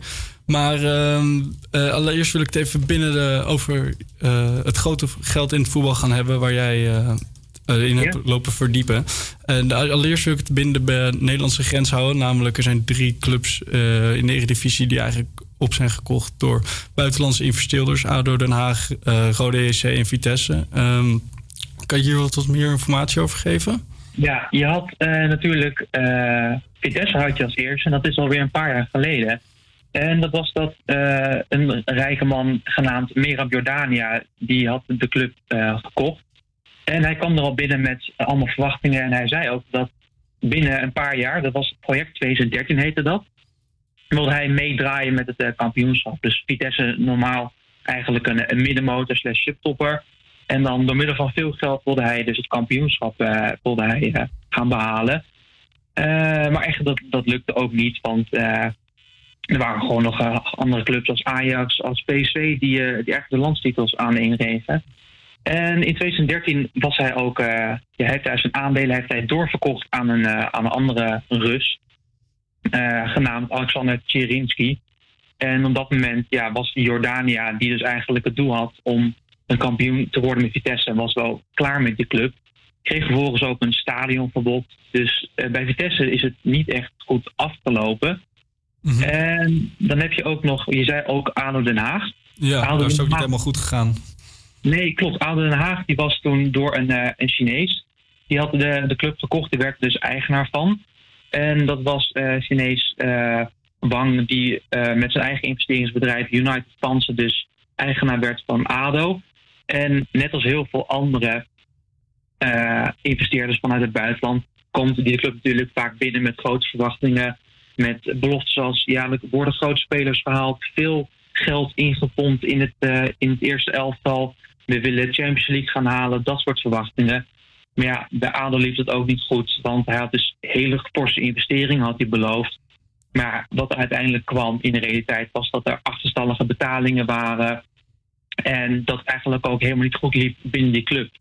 Dus die naar eh, Wang die vertrok uit- ook uiteindelijk eh, in 2017. Want ADO was zelf ook gewoon helemaal klaar. Er zijn meerdere bestuursleden zijn er ook opgestapt. Onder andere oud-trainer eh, Martin Jol van Ajax zat daar in het bestuur. Maar die had er ook geen zin meer in. In alle perikelen met de Chinezen. Dus die is ook uitgestapt. Dus eigenlijk was dat ook helemaal geen succesverhaal. Ja, ja, ja, precies. In de Nederlandse competitie is het niet altijd even goed gegaan. Maar eh, zoals Nee. je ook al eerder aangaf, eh, is het in de Franse competitie wel een succes gebleven. Waar Paris Saint-Germain inmiddels al zeven landstitels op rij of zes landtitels op rij heeft gewonnen. Met, eh, om even diep in de portemonnee te kijken. eh, Neymar voor meer dan 200 miljoen en ehm, Mbappé voor zoveel 100 miljoen voor, gekocht.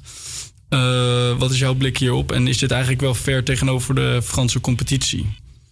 Nou, in principe eh, is het zo dat de UEFA heeft de zogeheten Financial Fair Play regels jaren geleden bedacht. En eh, de gedachte achter die regels was dat clubs eigenlijk in een periode van drie jaar tijd niet meer geld mogen uitgeven dan ze binnenkrijgen. Dat is om dan tegen te gaan dat een club bijvoorbeeld 600 miljoen uitgeeft aan spelers en maar 200 miljoen binnenkrijgt eh, qua sponsorinkomsten. En dat zou natuurlijk niet eerlijk zijn voor de rest van de competities en ook voor de andere teams uit de competitie. Maar dat PSG, toen met de transfer van Neymar, hebben dat eigenlijk best wel slim aangepakt. Want ja, Neymar, dat kostte natuurlijk 222 miljoen euro. Dat is hartstikke veel geld. Ook voor een club die wordt eh, gesteund door, Ja. door veel oliegeld als PSG. Maar hoe ze dat hadden gedaan, was dat eh, ze hebben niet op hun eigen begroting hebben zij de transfer van Neymar neergezet. Maar ze hebben dat eh, gedaan via Qatar zelf, dus eigenlijk via het land. Ja. En eh, dat was de Qatar Sports Investments. En ze hebben dus eh, zo gezegd tegen Neymar van jij krijgt ongeveer 300 miljoen euro om dus het WK van 2022 in Qatar om daar ambassadeur van te worden. Ja, precies. En die 300 miljoen euro was dus inderdaad meer dan genoeg om zijn afkoopclausule. Die zat in zijn contract van Barcelona, waar hij de speler van was op dat moment. Ja, precies. Dan is het genoeg geld om Neymar te kopen. Dus eigenlijk heeft Qatar zelf, dus het Qatar Sports Investments, heeft Neymar gekocht. Waardoor dus Neymar dus niet op de begroting staat van PSG zelf, maar op de begroting staat van het Qatar Investments. Ja, oké, dan eh, begrijp ik denk. Dan eh eh dankjewel om, dat je even aan de lijn hebt lopen. dan gaan wij door om het product af te sluiten. Ehm, dan wil ik nog even naar jullie kijken. Wat vinden jullie van het eh, grote geld in het voetbal? En is dat dan eh, goed voor de voetbalwereld?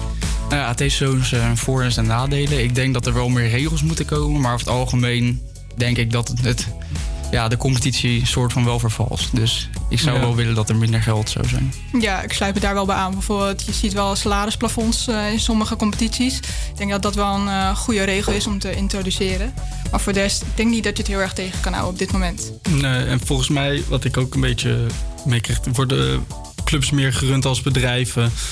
En wordt het echt als eh, op winst uitgemaakt. En daardoor worden de grote clubs die al winst, maken steeds rijker. En de kleine clubs die minder winst of minder begroting hebben, die eh, blijven steeds verder achterlopen. En wordt de kloof eigenlijk alleen maar eh, groter. Ja, precies.